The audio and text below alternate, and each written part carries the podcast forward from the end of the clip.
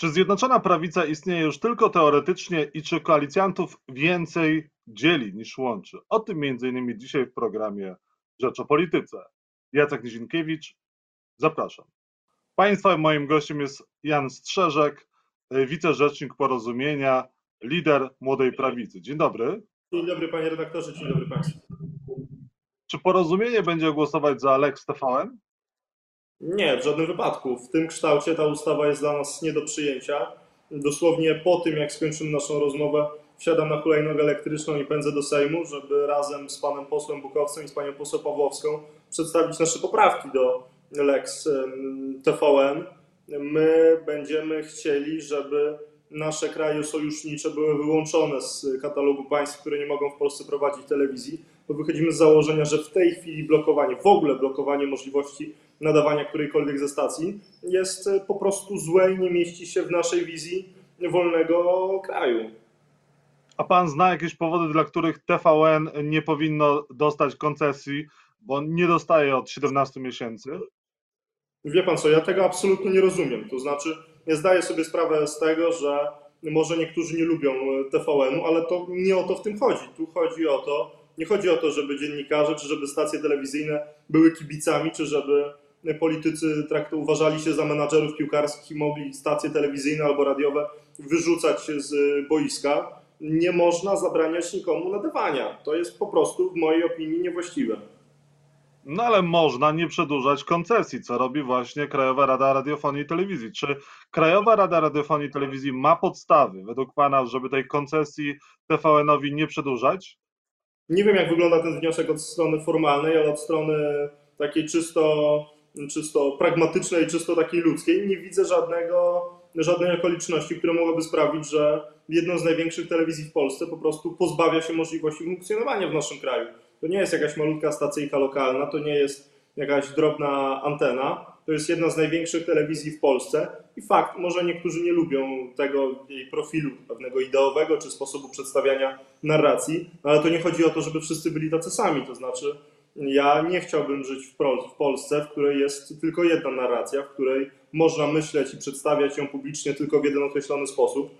To już było i to się nie sprawdziło w drugiej połowie XX wieku w Polsce. No, niech każdy nadaje i niech każdy przedstawia narrację taką, jaką chce.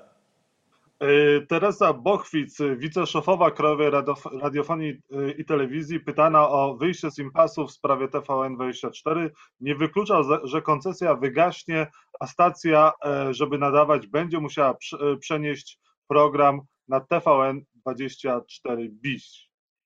Czy to jest jakieś rozwiązanie?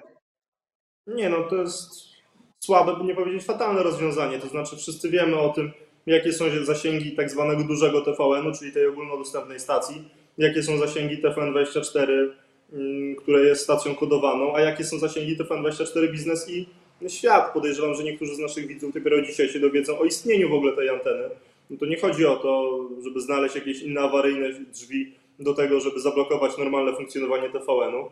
W ogóle mam wrażenie, że trochę abstrakcyjna jest ta dyskusja o tym, że będziemy w tej chwili ustalać, które z obecnie funkcjonujących mediów mogą działać, a które nie. No bo jeżeli dalej będziemy szli tą drogą, to pewnego dnia znajdzie się ktoś, kto uzna, że trzeba wprowadzić Lex Nizinkiewicz i znaleźć ustawę, która zabroni funkcjonowania w polskich mediach panu redaktorowi. No to byłoby po prostu abstrakcyjne, głupie. No. Jakie poprawki zaproponuje porozumienie? Czego możemy się spodziewać i jakie muszą być spełnione warunki, żeby przedstawiciele porozumienia w Sejmie głosowali za nowelizacją? Wyłączenie z katalogu państw, które nie mogłyby funkcjonować w Polsce, mieć swoich mediów, krajów OECD, czyli w ten sposób Stany Zjednoczone, Kanada, Australia mogłyby mieć swoje media w kraju, czyli te media, które są w tej chwili w Polsce, mogłyby się czuć absolutnie bezpieczne to jest nasz taki warunek, z którego, z którego nie mamy zamiaru rezygnować. Jeżeli on nie zostanie spełniony, to po prostu porozumienie tej ustawy nie poprze. Tutaj nie ma jakiejś opcji awaryjnej, to znaczy my w zakresie wolności mediów nie będziemy, nie będziemy szukali odcieni szarości. Tu jest albo białe, albo czarne. My chcemy, żeby wszystkie media mogły funkcjonować w kraju, czy je lubimy, czy ich nie lubimy. No, nie jesteśmy kibicami, niech funkcjonuje każdy. No jeżeli, a czy te zmiany, czy te poprawki są uzgadniane w ramach koalicji e, z Prawem i Sprawiedliwością, albo chociażby premier Mateusz Morawiecki jest o nich poinformowany przez wicepremiera Jarosława Gowina?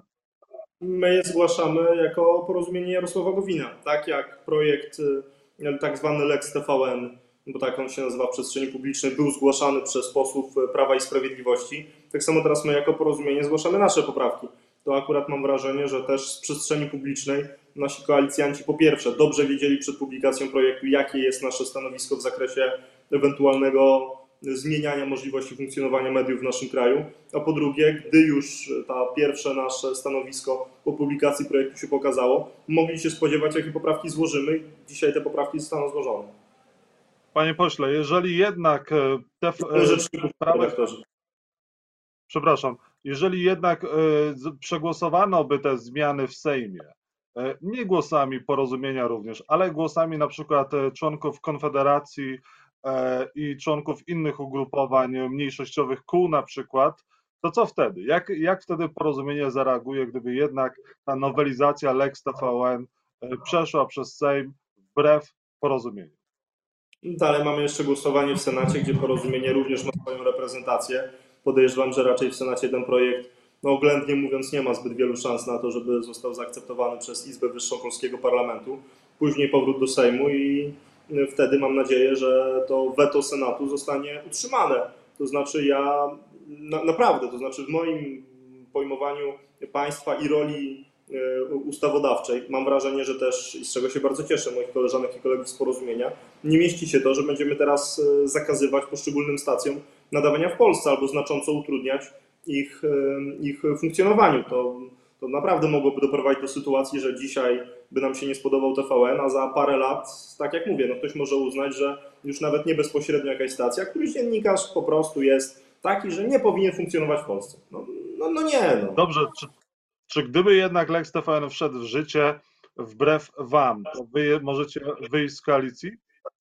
Panie redaktorze, to jest na razie absolutne political fiction. Dla mnie political fiction jest to, że ta w ogóle ustawa może zostać przepchnięta przez Sejm, nawet nie mówiąc o tym, że potem przez Senat, potem ponownie przez Sejm i uzyskać podpis prezydenta. No, mam wrażenie, że e, to raczej jest e, mało realne, więc też wariantów o tym, co się stanie wtedy, ciężko teraz snuć. Jeżeli to jest mało realne i według Pana to jest wszystko political fiction, w Sejmie to i tak nie przejdzie, mówi się o tym, że prezydent może nie podpisać e, takich zmian, to po co to wszystko? Sam chciałbym wiedzieć, panie redaktorze, cytując klasyka filmowego, e, ale e, to jest doskonałe pytanie, które trzeba zadać autorom tego wniosku. To znaczy, ja cały czas słuchając, starałem się wsłuchać w te uzasadnienie chociażby pana ministra Marka Suskiego czy innych polityków, którzy podpisali się pod tym wnioskiem. Nie wiem. To znaczy, chciałbym zrozumieć, ale naprawdę nie wiem. Mhm.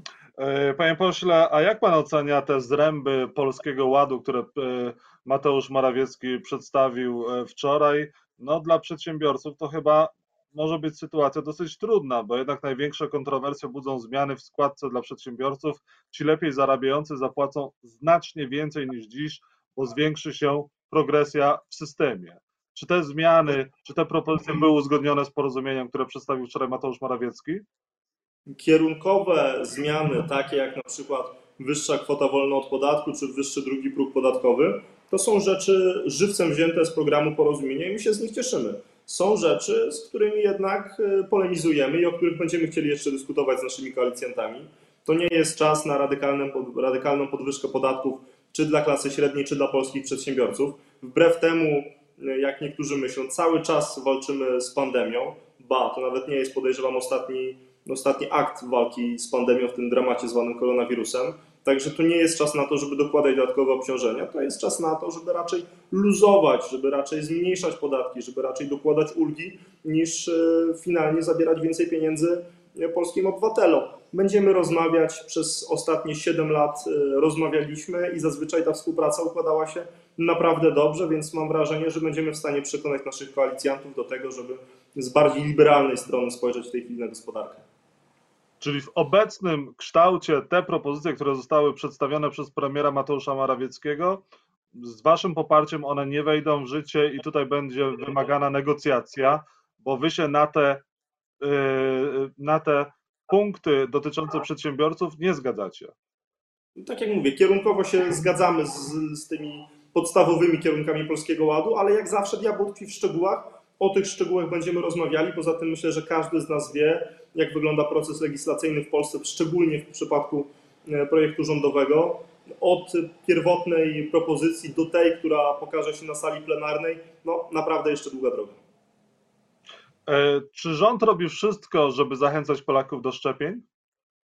Ja mam wrażenie, że akurat akcja wyszczepiania w Polsce udała się naprawdę nieźle. I ja chcę na to spojrzeć z szerszego punktu widzenia. Jeżeli byśmy się cofnęli do listopada 2020 roku, to wtedy zaledwie co drugi Polak chciał się zaszczepić. Mieliśmy wtedy naprawdę spory problem z, no niestety często wariatami antyszczepionkowymi, bo tę grupę trzeba podzielić na mm, osób takich sceptycznych, które czekały na potwierdzenie naukowe i tych, którzy z zasady negują istnienie pandemii, którzy twierdzą, że w tej chwili jesteśmy chipowani i to jest w ogóle jeden wielki światowy spisek, który chce y, kontrolować y, cały świat. No, więc y, tutaj została zrobiona gigantyczna praca, no ale ja osobiście myślę, że to jest czas, nad którym powinniśmy, w którym powinniśmy myśleć nad ewentualnie zastosowaniem wariantu francuskiego. To znaczy widzimy, co w tej chwili się dzieje w Polsce, widzimy, jak ta mała, radykalna, szalenie nie tylko już agresywna w social mediach, a także w rzeczywistości grupa antyszczepionkowców terroryzuje zaszczepioną większość.